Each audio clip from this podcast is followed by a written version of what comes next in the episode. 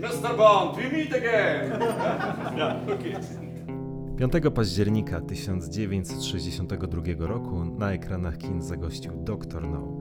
Ekranizacja szóstej z kolei powieści Jana Fleminga o przygodach agenta 007 dała początek filmowej serii liczącej w sumie 25 części. Serii, która przez kolejne 60 lat rozpalała wyobraźnię kolejnych pokoleń widzów, stając się bezdyskusyjnym fenomenem popkultury. I w specjalnym odcinku podcastu James Bond Team.pl przy okazji obchodów 60 lat Bonda na ekranach kin witają Was Przemek Bartnik, jamesbond.com.pl i Marcin Tadera, jamesbond.org.pl. Oż kurde Marcin, ale zrobiłeś wejściówkę, nawet jestem totalnie zaskoczony. Chciałem ci przerwać od razu po drugim zdaniu i, i powiedzieć witamy w kolejnym odcinku, ej. Ale rocznicowy no, podcast, no to się rozumie. Zobowiązuję, e, zobowiązuję rocznicowy podcast, którego nie ukrywam, bardzo się boję. Ja to sam. Pod wieloma względami. Ja dokładnie, ja mam dzisiaj takiego stresa, że po prostu po pierwsze mój ulubiony Bond, po drugie 60. rocznica, po trzecie pierwszy film z Seanem Connery, o który walczę już nie wiadomo ile w ankietach. Musiałem wyczekać 60. rocznicy, żeby o nim pogadać, więc mój stres jest Dwa nieprawdopodobny. tak. Tak, to rzeczywiście przedziwne, że po dwóch latach e, i grubo ponad 20 odcinkach coś takiego jak nagranie podcastu potrafi e, stresować nadal. Dokładnie. No ale rzeczywiście, no jest to, to liczymy na to, że będzie to podcast wyjątkowy, bo wyjątkowa jest okazja. 60 lat Bonda przypada za parę dni, bo nagrywamy ten odcinek 29 września. Ta atmosfera jubileuszowa mm, w ostatnich dniach zdecydowanie się rozkręciła. Dokładnie. Coraz więcej jakichś gadżetów Co? E, związanych z 60. rocznicą, ścieżki dźwiękowe, ten Macallan za trzy koła z piękną animacją. Ile butelek kupiłeś? Słuchaj, ja mam dwunastkę Maccalana, e, którą popijam tak e, jedną szklaneczkę na rok powiedzmy, albo przy jakichś okazjach. I myślę, że jeszcze, jeszcze ją będę długo pił. E, a ona kosztowała 150 zł chyba, co, czy tam 170, co i tak jest dla mnie mega wydatkiem, jeżeli chodzi o, o whisky, więc za trzy koła chyba sobie odpuszczę, ale... 600 funtów. No, ale etykiety ładne. opakowanie. Ale gdybyśmy się, zobacz, gdybyśmy się złożyli w sumie e, i wypili ją na spółę, to już wychodzi tylko 1500, nie? Czy tam 1600 złotych. Może, może musimy zacząć myśleć o jakimś patronajcie. O, na przykład zbieramy nam Macalana i później w podcaście wypijemy go całego i opowiemy wrażenia. Na pewno ludzie będą tak wpłacać pieniądze.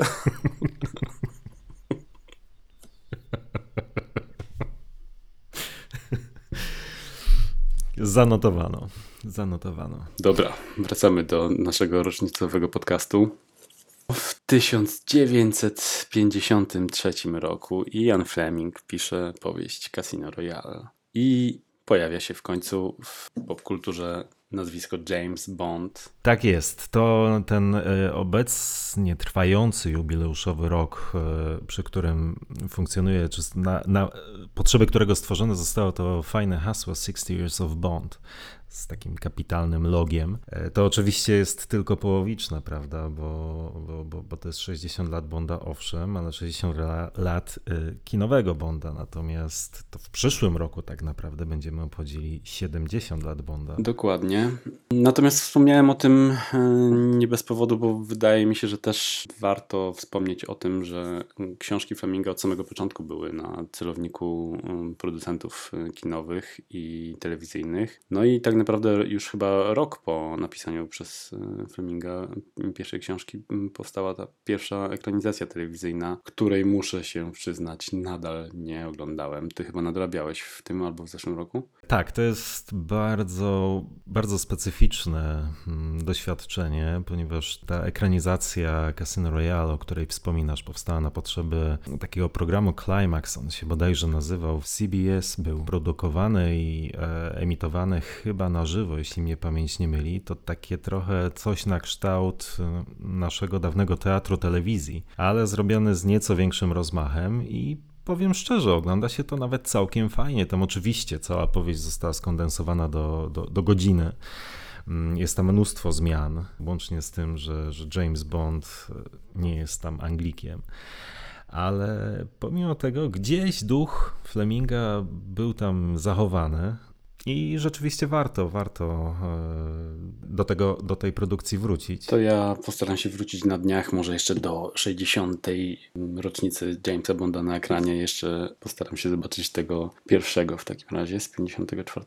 Natomiast, no, nie oszukujmy się, nie było to nic specjalnego, co nie rzuciło na kolana widowni. To jeszcze nie był ten czas, w którym James Bond zapisał się na ekranie i dlatego 60. rocznicę na dużym ekranie będziemy e, obchodzić teraz i będzie to rocznica powstania właśnie doktora No. A powstanie tego filmu zawdzięczamy przede wszystkim dwójce producentów i to jest Albert Kabi Broccoli, niesamowicie ważne nazwisko dla serii i Harry Salzman. Też niesamowicie ważne, przepraszam, nazwisko dla serii, które oczywiście zniknęło z radarów po, po tym, jak panowie w latach 70. już nie mogli dłużej współpracować ze sobą. Między innymi dlatego, tam oczywiście jeszcze dochodziły do tego e, osobiste problemy Salzmana. Ale fajnie, że przywołujesz oba te nazwiska, ponieważ e, o ile Brokoliego wszyscy kojarzą, e, to Salzman często, znaczy czasami bywa pomijany, a mimo wszystko przy takiej okazji zdecydowanie warto, warto warto przypomnieć również o nim. Zdecydowanie, tym bardziej, że jemu też jak najbardziej dużo zawdzięczamy. On też był maniakiem prozy Fleminga. Z tego, co udało mi się wyczytać, to on już wcześniej miał kupioną część praw do ekranizacji powieści Iana Fleminga i też dlatego chyba trafił do niego Kabi.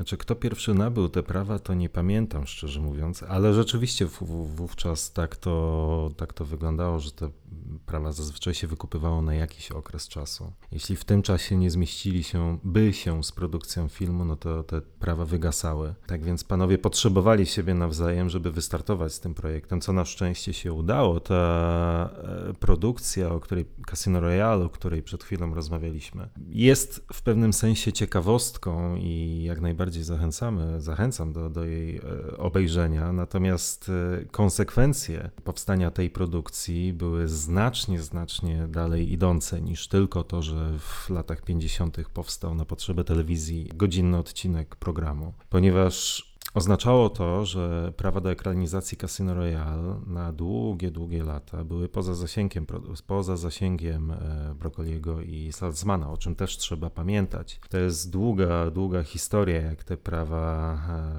e, zostały później przejmowane przez kolejne, przez kolejne wytwórnie, ale no, koniec końców musieliśmy czekać e, no, pół wieku niemalże, zanim doczekaliśmy się e, oficjalnej ekranizacji pierwszej powieści Fleminga. Mhm. No i w sumie nie ma tego złego, bo ekranizacja okazała się e, fantastyczna. Mm, Casino Royale jest przez wielu uważany za jeden z najlepszych, jak nie najlepszy film serii, więc e, może to i dobrze, że tak się złożyło. Może to i dobrze, dokładnie. Tym bardziej, że wcale nie jest powiedziane, że Casino Royale, no, który umówmy się, jest bardzo specyficzną książką, e, zekranizowane wówczas w latach 60., że zapewniłoby serii podobny start i podobny sukces. To wcale nie jest powiedziane, ponieważ no, z przyczyn, o których pewnie będziemy jeszcze wielokrotnie w tym i w kolejnych podcastach mówili, no jednak Dr. No miał coś w sobie, coś co porwało widzów. Czy Casino Royale wówczas podniosłoby taki sam sukces? No tego nie wiemy, ale, ale no z pewnością brakowałoby chociażby tego kolorytu, tej egzotyki temu filmowi z racji tego, że jego akcja rozgrywa się jednak na północy e, Francji, a nie na Karaibach. Dokładnie tak i właśnie dzisiaj przed nagrywaniem podcastu dokładnie o tym myślałem i się zastanawiałem, czy jakby Casino Royale było jednak pierwszym kinowym Bondem, czy też by tak podbiło serce widzów jak, jak Dr. No. No ale wracajmy do Doktora No w takim razie i jeszcze do kwestii producenckich. Jeszcze wspominając o e, Brokolim, Brokoli ksywa Kabi, też wyczytałem skąd się wzięła, bo w dzieciństwie był takim pucał, dzieckiem i wszyscy na niego mówili Habi Kabi. I tak zostało i w sumie nikt podobno nie używał yy, przy nim imienia Albert, więc to śmieszne, pocieszna ciekawostka. Wczoraj oglądałem dodatki do Doktora No i tam też w jednym z wywiadów przy premierze chyba zresztą Doktora No został zapytany skąd to nazwisko, czy ma jakieś powiązanie z, z tym warzywem w ogóle. On, on odpowiadał, że tak, jak najbardziej, że w XIX wieku jego tam jakiś pradziadek czy ktoś tam yy, z rodziny przywiózł nasiona brokułu, czy tam skrzyżował z dwóch, z kalafiora i z czegoś tam jeszcze i przywiózł do Stanów Zjednoczonych te nasiona. No i cały czas podobno o tym mówił, natomiast y, nigdzie, ale to nigdzie nie ma y, takiego potwierdzenia stuprocentowego, że jest to prawdą, więc nie wiadomo, czy sobie to wymyślił, ale na pewno w to wierzył. No i tak, Kabi Broccoli mm, pierwotnie miał wyprodukować film z Irvingiem Alanem. Mm -hmm innym mm, producentem, ale to nie doszło do skutku, mimo tego, że panowie się spotkali z Flemingiem, ale tam podobno była jakaś zażarta dyskusja i e, całe spotkanie e, skończyło się fatalnie. Kabi zerwał kontakty z e, Alanem, ale w ten sposób też później trafił na Harry'ego Saltzmana, o którym powiedział mu scenarzysta, z którym współpracował wcześniej Kabi Broccoli, Wolf Mankowitz. I tak właśnie e, trafili do Kany Kanadyjczyka. teraz chwila przedstawienia Salzmana. Jedyne, co mi się zawsze kojarzy z Salzmanem, e, o czym też jest gdzieś mowa chyba właśnie w dodatkach, to że miał niesamowite zamiłowanie do żywych kolorów i chodził cały czas albo w czerwonych, czerwonych spodniach i w czerwonej koszuli, albo w żółtej e, koszuli i w żółtych spodniach. Wyglądał dosyć śmiesznie, ale był podobno takim showmanem, trochę cyrkowcem, e, no i do, do tego też lubił w podobny sposób adekwatnie się ubierać. Też bardzo ciekawa postać. No i panowie w końcu spotykają się ze sobą i powstają dwie bardzo ważne dla nas firmy. Jedna to Danjak, a druga to Ion Productions. Danjak jest y, odpowiedzialna za stronę prawną, a Ion Productions za część produkcyjną. Y, Danjak dlatego taka nazwa powstała, ponieważ to są jakby trzy pierwsze litery z imienia y, żony Alberta Broccoli, czyli Dane i żony Salzmana, czyli Jacques. Panowie zakładają te dwie firmy i podpisują umowę z United Artists. E, I teraz ja ci, przepraszam, wejdę na chwilę w słowo. Nie mówimy teraz o tym wszystkim, dlatego żeby was zanudzać encyklopedycznymi e, tutaj informacjami.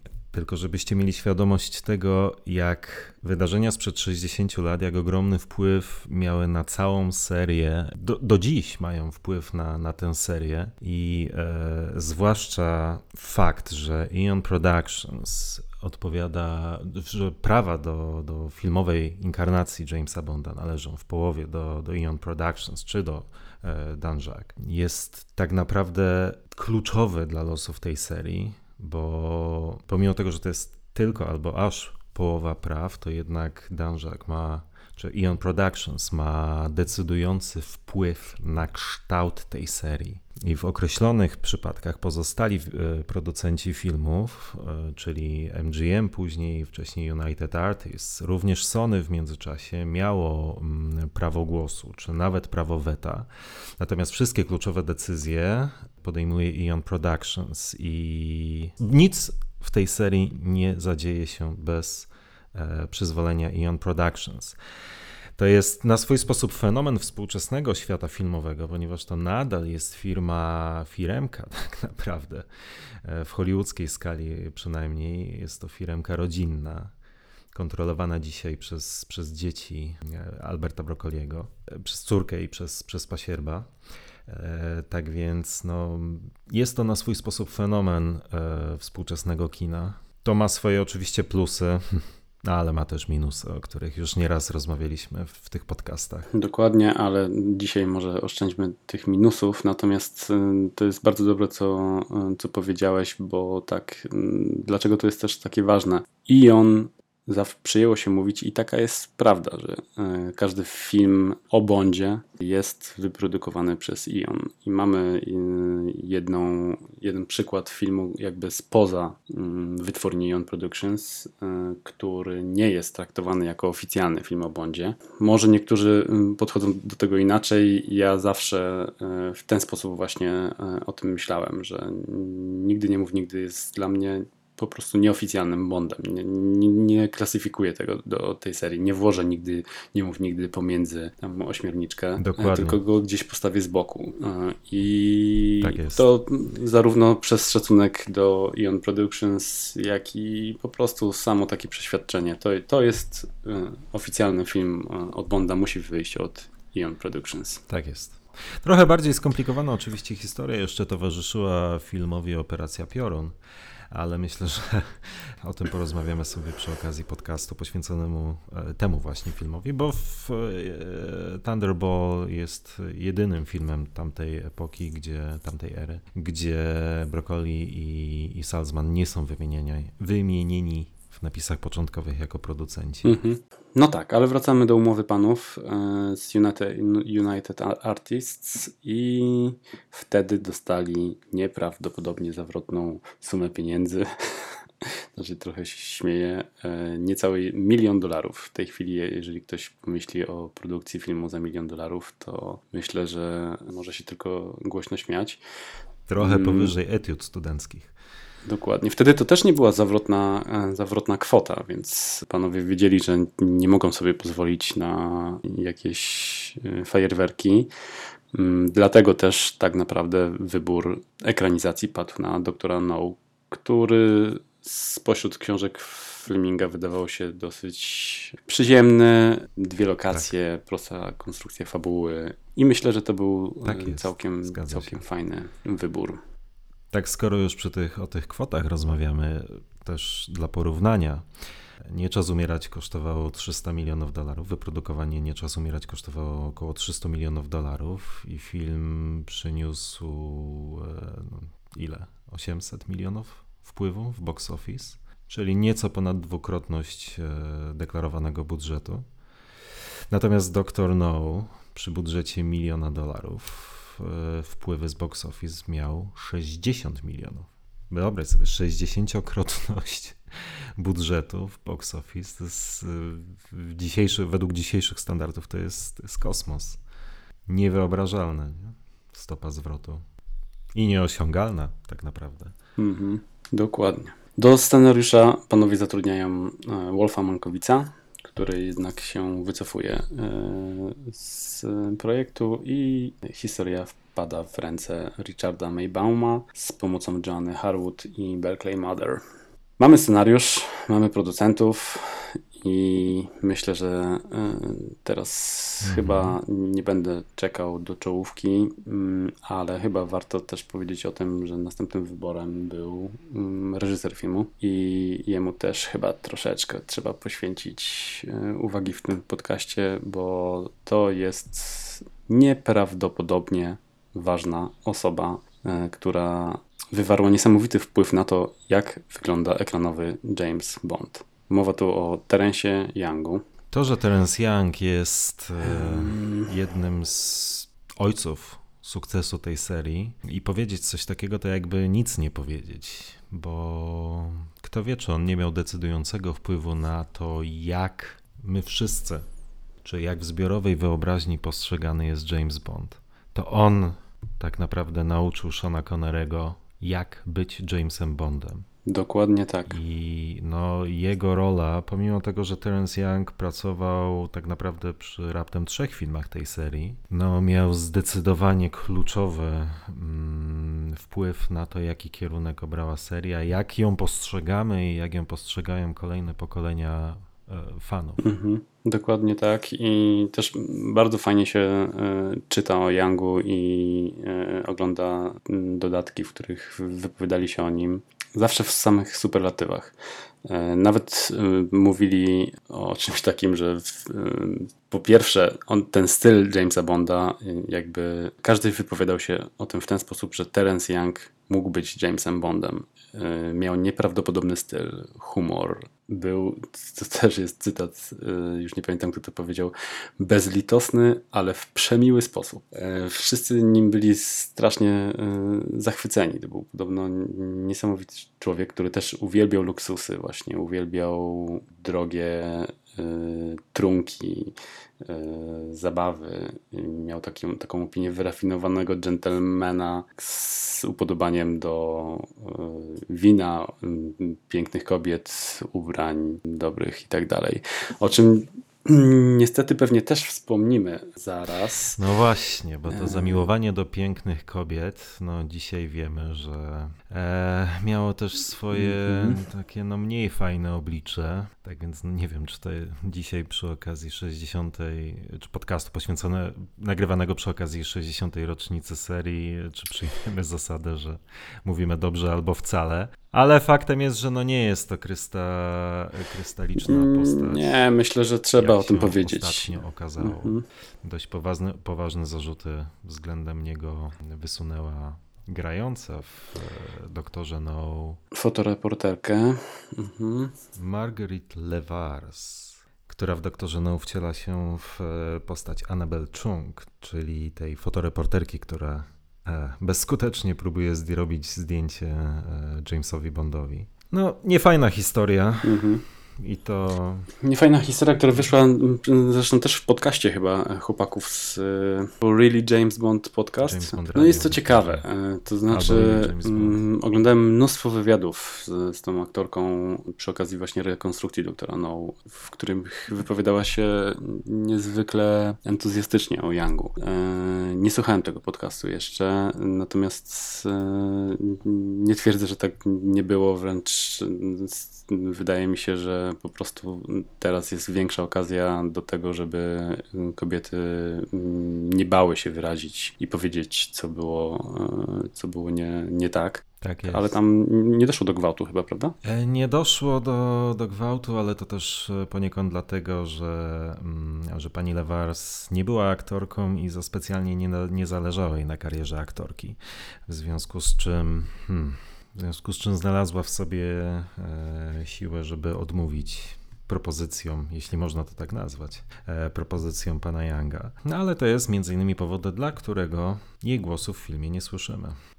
Ale tak czy siak, e, no, trzeba Youngowi oddać to przy wszystkich kontrowersjach wokół jego, jego postaci, no to to, jak stworzył Jamesa Bonda i jakiego go stworzył, nadał mu określony styl, no tego, tego odmówić mu nie można. I to właśnie miałem na myśli mówiąc, e, że jest ojcem, jednym z ojców sukcesu tej serii. Zdecydowanie. Dobrze, to przechodzimy w takim razie do wyboru aktora, może, bo yy, to też na początku nie było jasnym wyborem, kto zostanie Jamesem Bondem. Broccoli bardzo przyjaźnił się z Karym Grantem, który był wtedy niesamowicie na topie był zresztą do tego stopnia się przyjaźnił, że był chyba świadkiem na jego ślubie. I na początku go e, rozważano, natomiast on miał 57 lat, więc było wiadomo, że zagra maksymalnie w jednym filmie i tyle, a Broccoliemu i Salzmanowi zależało na serii, więc potrzebowali kogoś e, młodszego, to raz, a dwa kogoś, na kogo będzie ich stać, bo przy takim budżecie to też nie mogli sobie pozwolić na wielką gwiazdę. Ian Fleming bardzo chciał Rogera Mura, tylko że Roger Moore miał kontrakt podpisany z e, Świętym, więc za nic e, nie mógł go zerwać.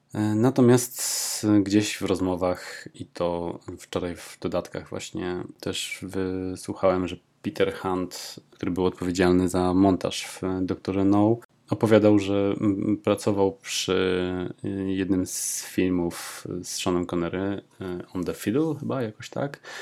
Tam producentem był mm, Ben Fish, który mm, podsunął kandydaturę Seana Connerego producentom Bonda, czyli Salzmanowi i Broccoliemu. Sean zdecydowanie nie był wymarzonym kandydatem Fleminga. Fleming był podobno załamany i w żaden sposób nie widział go w postaci Bonda, którego stworzył. United Artists też nie za bardzo chciało zatrudnić Shona i też im się nie podobało to, że jest mało znanym aktorem. Natomiast Broccoliemu podobno strasznie się podobało, jak się poruszał Sean. Dana Broccoli po zobaczeniu jakiegoś filmu z, z Seanem też była niesamowicie nim zachwycona, więc w końcu wybór padł na, na niego. A Sean Connery. Kim był Sean Connery? Mleczarz na, począ na początku, potem marynarka wojenna, model, kulturystyka i to nawet chyba Mister Universum. Miał już jakieś doświadczenie w, w filmach, natomiast nie było to tak. nic specjalnego. No i miał przyjąć rolę, która na zawsze zmieni zarówno jego życie, jak i y, oblicze całego kina. Dokładnie. No, dzisiaj to oczywiście jest bezdyskusyjne, że wybór Connerego był jedynym słusznym.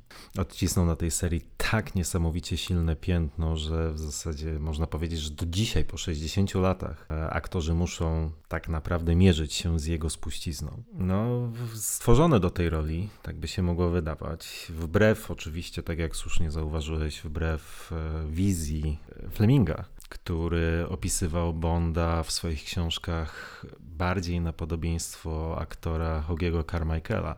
Zupełnie inny typ osoby.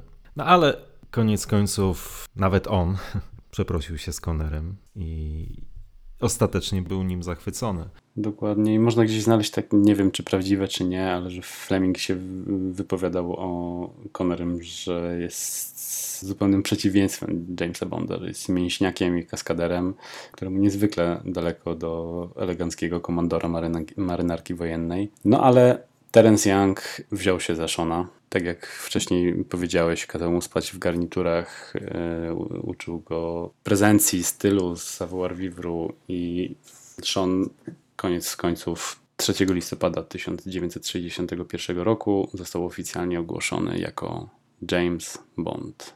No to nie, nie wiem, co jeszcze można by dodać nawet. Tak to wszystko ładnie podsumowałeś. Że miał 31 lat i łysiał i musieli mu dokładać włosów, ale, ale oszczędził.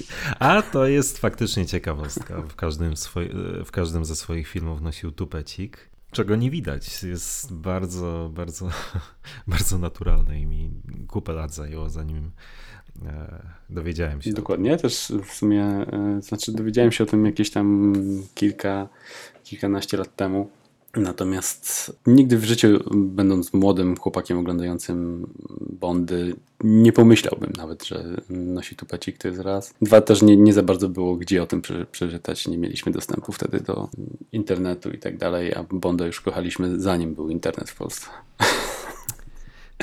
I no ja w sensie, tak. przepraszam. Przeszliśmy już przez reżysera, producentów, aktora, o montażyście wspomniałem Peter Hunt, którego też uwielbiamy i który już w tamtych latach wykazywał taką, taką innowację, w, wyczucie, innowację w, w cięciu filmów, które było zupełnie odmienne od tego, co prezentowały inne filmy. Jakby bardzo często nie czekał na zakończenie ruchu przez daną postać, tylko robił cięcie jakby wcześniej, wprowadzał taką fajną dynamikę. Miał mnóstwo jakichś ciekawych pomysłów Świetny gość, uwielbiam jego montaż, uwielbiam też jego film, o którym już mieliśmy podcast, czyli w Tajnej Służbie Królewskiej Mości, więc e, odpowiedni człowiek na odpowiednim miejscu. Mm, I podobnie odpowiednim człowiekiem na odpowiednim miejscu okazał się Ken Adam, który został tutaj zatrudniony w roli scenografa. E, I to jest kolejny absolutny geniusz. Geniusz i to kolejna osoba, która na tej serii odcisnęła nieprawdopodobne piętno, bo scenografie Kena Adama są tak charakterystyczne. One często są określane mianem futurystycznych, ale futuryzmu zanurzonego we współczesności.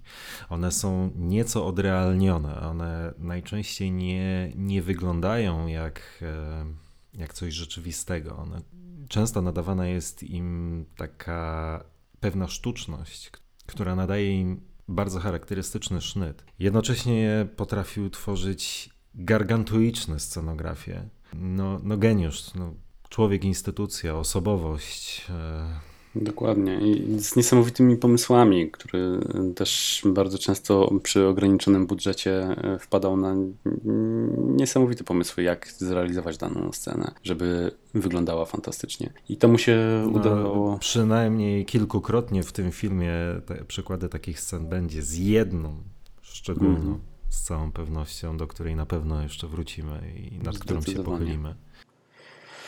Więc to też jest osoba, o której wręcz nawet można by robić e, osobny podcast i opowiadać o, o jego dokonania, dokonaniach. Świetny specjalista i w Doktorze No, zresztą to, co powiedziałeś, te takie trochę odrealnione e, budowle, to też jest właśnie coś, co w pewien sposób może dlatego nas to tak zachwyca. E, on robił już to w tamtych czasach, na tamte czasy to były dosyć takie futurystyczne e, pomysły e, i pod względem architektonicznym to niesamowicie robiło wrażenie wtedy i robi cały czas.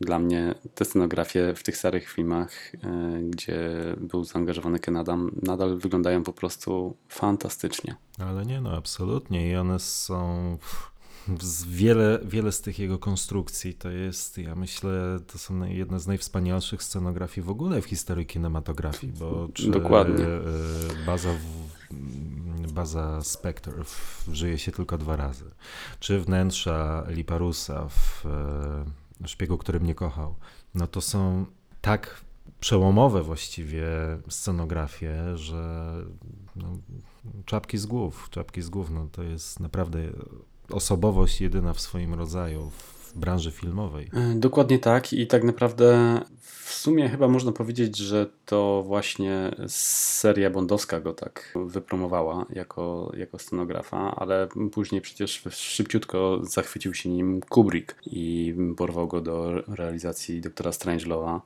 w którym też niesamowicie się podpisał pod, pod względem scenografii, czy Barry'ego Lyndona tak samo u, u Kubricka. I spośród innych jego filmów też naprawdę można znaleźć wiele fantastycznych dokonań. Mhm. Zgadza się. No dobrze, to teraz jeszcze zostały dwie ważne osoby, bo myślę, że o obsadzie porozmawiamy sobie może w trakcie już omawiania filmu. Natomiast ja bym już przeszedł do czołówki i przy okazji czołówki pogadał o dwóch, o trzech, czterech innych postaciach. To ja jeszcze hmm. tylko e, jakby zepnę tutaj klamrą trochę to, co do tej pory powiedzieliśmy, bo też wymieniamy te nazwiska nie tylko po to, żeby wam je przybliżyć w kontekście doktora No, ale też żebyście zwrócili uwagę na kolejną charakterystyczną dla, z jednej strony dla serii, ale przede wszystkim dla sposobów działania Ion Productions e, cechę, która też nie jest taka oczywista w kinie, w kinie wysokobudżetowym, a mianowicie przywiązanie do nazwisk. Kiedyś już też o tym rozmawialiśmy i po tej litanii nazwisk, którą przed chwilą wymienili, wymieniliśmy, to doskonale widać. Jeśli ktoś się sprawdza w serii o Jamesie Bondzie, to często związuje się z tą serią na dłużej. No tutaj Richard Maybaum jest ewenementem, bo on związany był e, z bondowską serią praktycznie do swojej śmierci. Ostatnim filmem, ostatnim z 13 filmów, do których pisał scenariusz, była licencja na zabijanie z 89 roku. Joanna Harwood powróciła, e, czy ponownie Pracowała nad scenariuszem kolejnego filmu, czyli Pozdrowienia z Rosji. Terence Young, o czym już mówiliśmy, nakręcił trzy filmy. Ted Moore równie, również e, pracował nad, Ted Moore, czyli autor zdjęć e, do, do, do, filmu, to również pracował nad bodajże sześcioma czy siedmioma filmami. E, Peter Hunt, montażysta, bodajże pięć filmów na koncie w roli montażysty, a no, zwieńczeniem jego jakby udziału w serii była reżyseria w Tajnej Służbie jej Królewskiej Mości. To są wszystko nazwiska, które w kolejnych latach czy dekadach będą e, odciskały na tej serii swoje, swoje piętno i to też jest fajne. Dokładnie tak, dokładnie tak i to jest właśnie taka ala rodzinna produkcja i to przywiązanie na, do nazwisk jest też wydaje mi się, że czymś, co, co daje siłę tej, tej serii. Tak, zdecydowanie tak. Bardzo dobrze, że o tym wspomniałeś i... Zapewniałem te nazwiska, przepraszam, te nazwiska zapewniły serii w pewnym sensie ciągłość, ale co ciekawe, każdy film jest inny. To nie jest tak, że wszystkie filmy, jeśli coś się sprawdziło, to, to, to kolejny film jest. E, on, o, oczywiście, bondowska seria, bo być może od tego powinniśmy zacząć. Bondowska seria rządzi się swoimi prawami.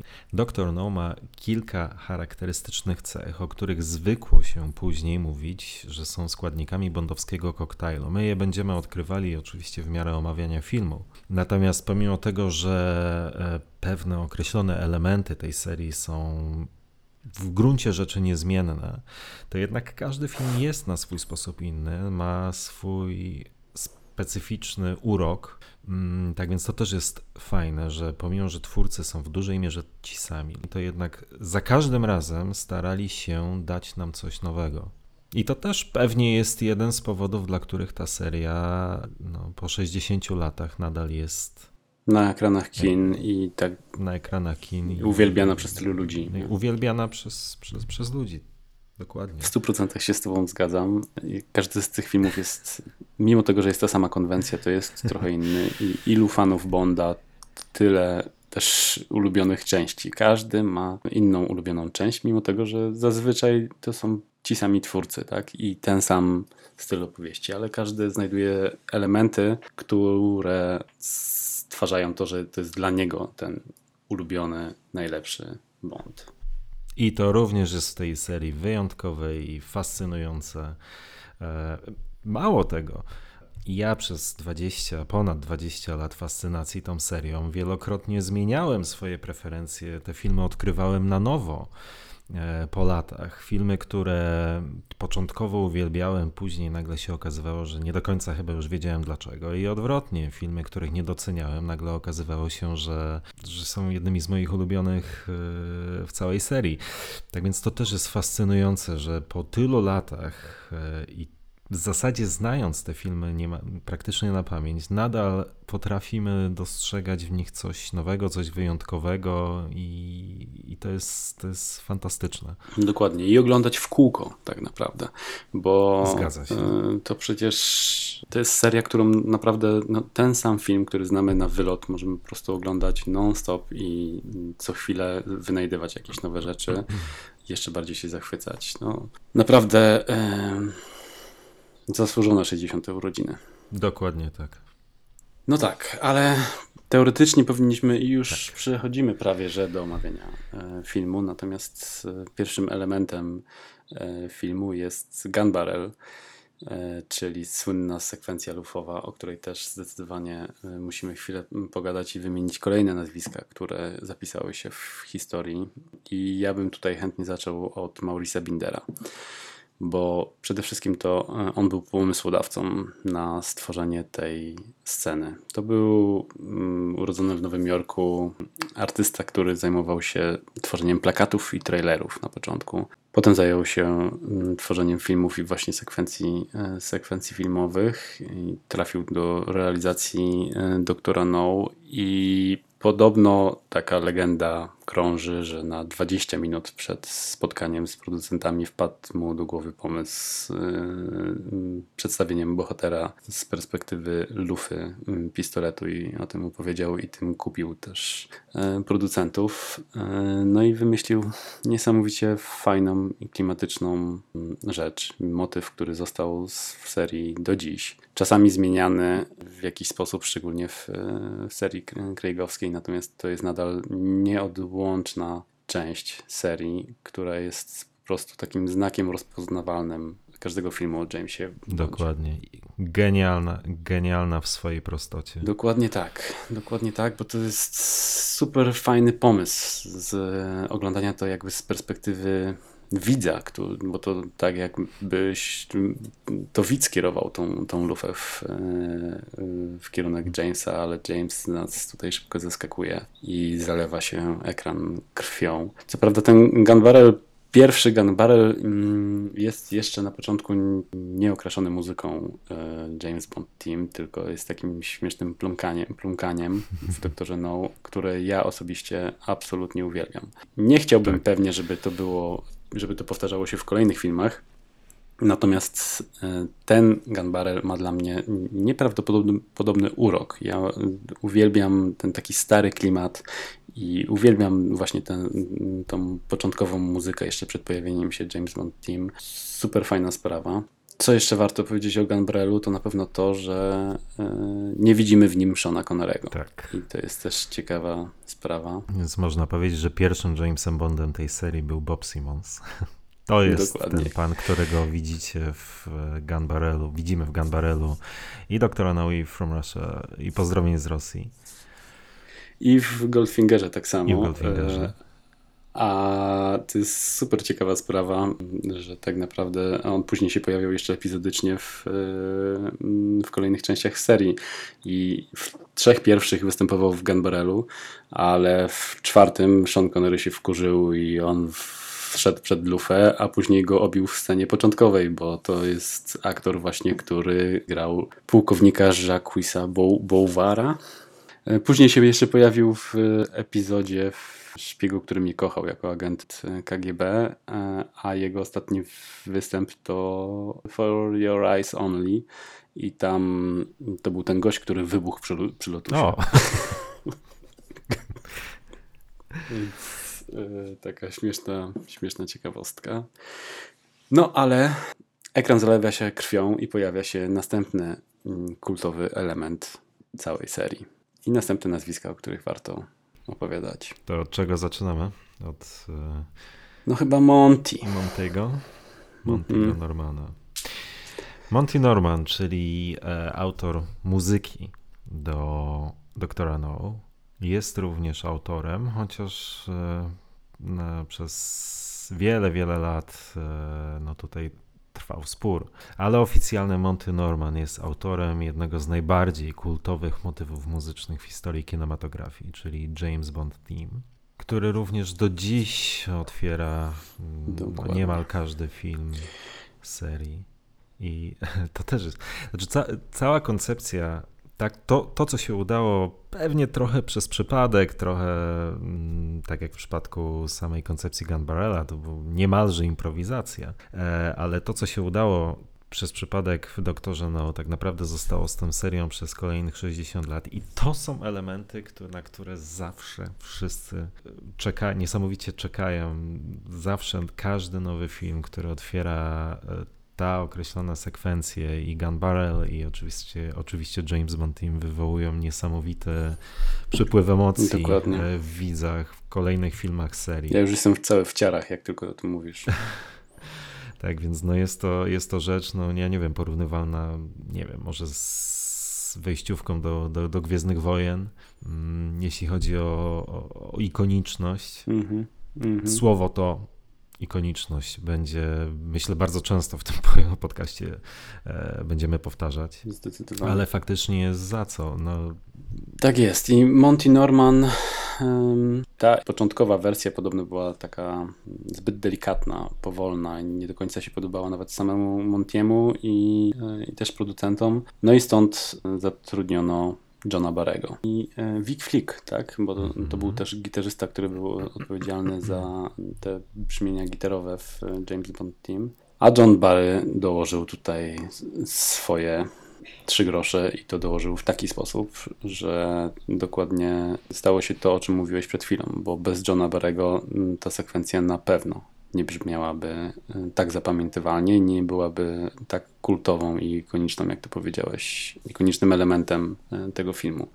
obaj panowie sobie tak naprawdę przypisują autorstwo e, James Bond. Dokładnie. No ale sądy kilkukrotnie przyznały tutaj Montiemu Normanowi mm, autorstwo, tak więc no.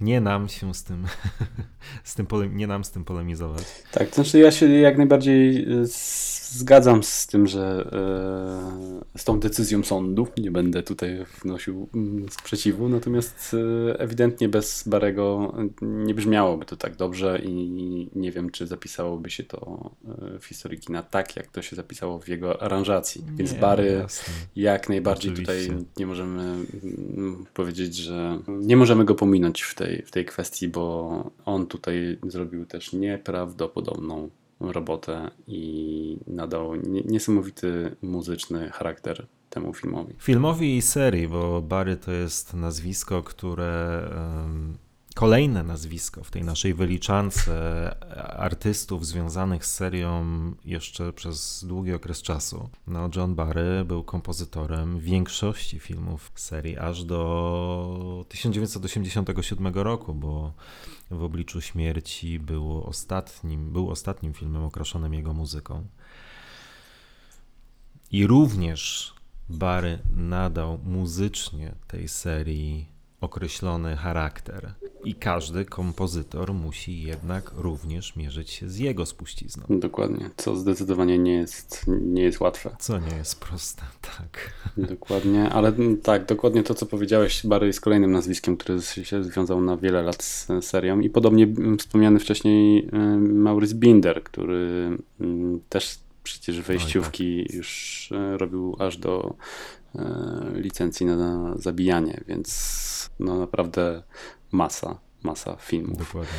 No i myślę, że płynnie wracając do Bindera możemy skupić się teraz na czołówce, czy jeszcze coś? Nie, nie, jasne, jasne. Po raz kolejny ikoniczność, ikoniczność i jeszcze raz ikoniczność. Dokładnie tak. I tutaj, mm, mimo tego, że no, bo umówmy się, zarówno Doktor No to jest w miarę kameralny film jak na Bonda, tak. jak na późniejsze filmy o Bonda. Tak samo ta y, wejściówka też jest w pewien sposób kameralna. Nie ma tam y, jeszcze takich niesamowicie wymyślnych elementów, które będą się pojawiać później, ale te kropki, głupie kropki, które niesamowicie pasują po pierwsze do Gunbarella. Od Gunbarella co mogłoby innego wyjść niż kropka? Fantastyczny pomysł super, że poszedł też w takie żywe kolory i te kropki migające w rytm muzyki, James Bond Team, ta dynamiczność, to wszystko tak mm. fajnie pasuje. Zmienione rozmiary, e, skaczące te elementy po, po ekranie są naprawdę w tej chwili już kultowe. I no, jeżeli ja na przykład uwielbiam robić plakaty do, do serii, to praktycznie nie wyobrażam sobie, żeby gdzieś na plakacie nie było kropki. To jest super ważny e, element. Natomiast one później też przechodzą w kolejny ikoniczny element dla serii, czyli tańczące kobiety. Sylwetki. Sylwetki tak. kobiet, dokładnie. Tak. I tu już zmienia się nam muzyka z James Bond Team mm, na też fajne plumkanie. Free Little Mouse, Free Blind Mouse, Trzy ślepe myszki. To jest też ciekawa. Po pierwsze, bardzo lubię tą, tą muzykę, która w, mhm. e, wpada w, zaraz po James Bond Team. Po drugie, to jest fajny pomysł, tym bardziej, że e, poza tańczącymi sylwetkami kobiet, za chwilę pojawiają nam się trzech ślepców, trzy ślepe myszki.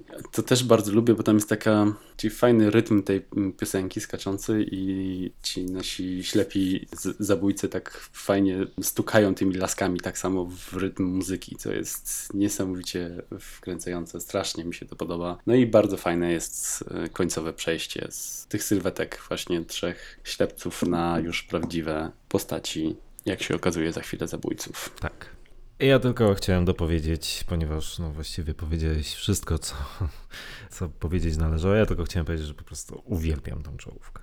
Uwielbiam. Ja tak samo. Zdecydowanie. To jest jedna z moich ulubionych czołówek, mimo tego, że nie oszukujmy się, na, najprostsza na pewno. Najprostsze oczywiście, ale no czasami proste środki są najlepsze i to jest najlepszy dowód na to właśnie, że te wszystkie fantazyjne elementy, bo wspomniałeś wcześniej, że, że ta czołówka ich nie ma i jasne, pewnie, ale mi, pomimo tego, że ona nie jest aż tak złożona jak w późniejszych filmach serii, no to ta ikoniczność jednak nie wiem, co chciałem powiedzieć, więc myślę, że to możesz wyciąć. Okej, okay, czyli e, omówiliśmy sobie czołówkę filmu. Jesteśmy w trzeciej minucie filmu, być może. Więc to chyba dobry moment, żeby zakończyć e, ten odcinek, bo wierzcie nam, nie robimy tego celowo. Nie, nie przyjęliśmy sobie za punkt honoru tutaj bicie rekordu ubiegłorocznej serii podcastów No Time to Die, ale rzeczywiście to jest kolejny film, o którym po prostu nie sposób nie mówić dużo. Tak więc za ten odcinek bardzo serdecznie Wam dziękujemy. Dzięki wielkie. I James Bond Team.pl powróci. James Bond Team.pl powróci.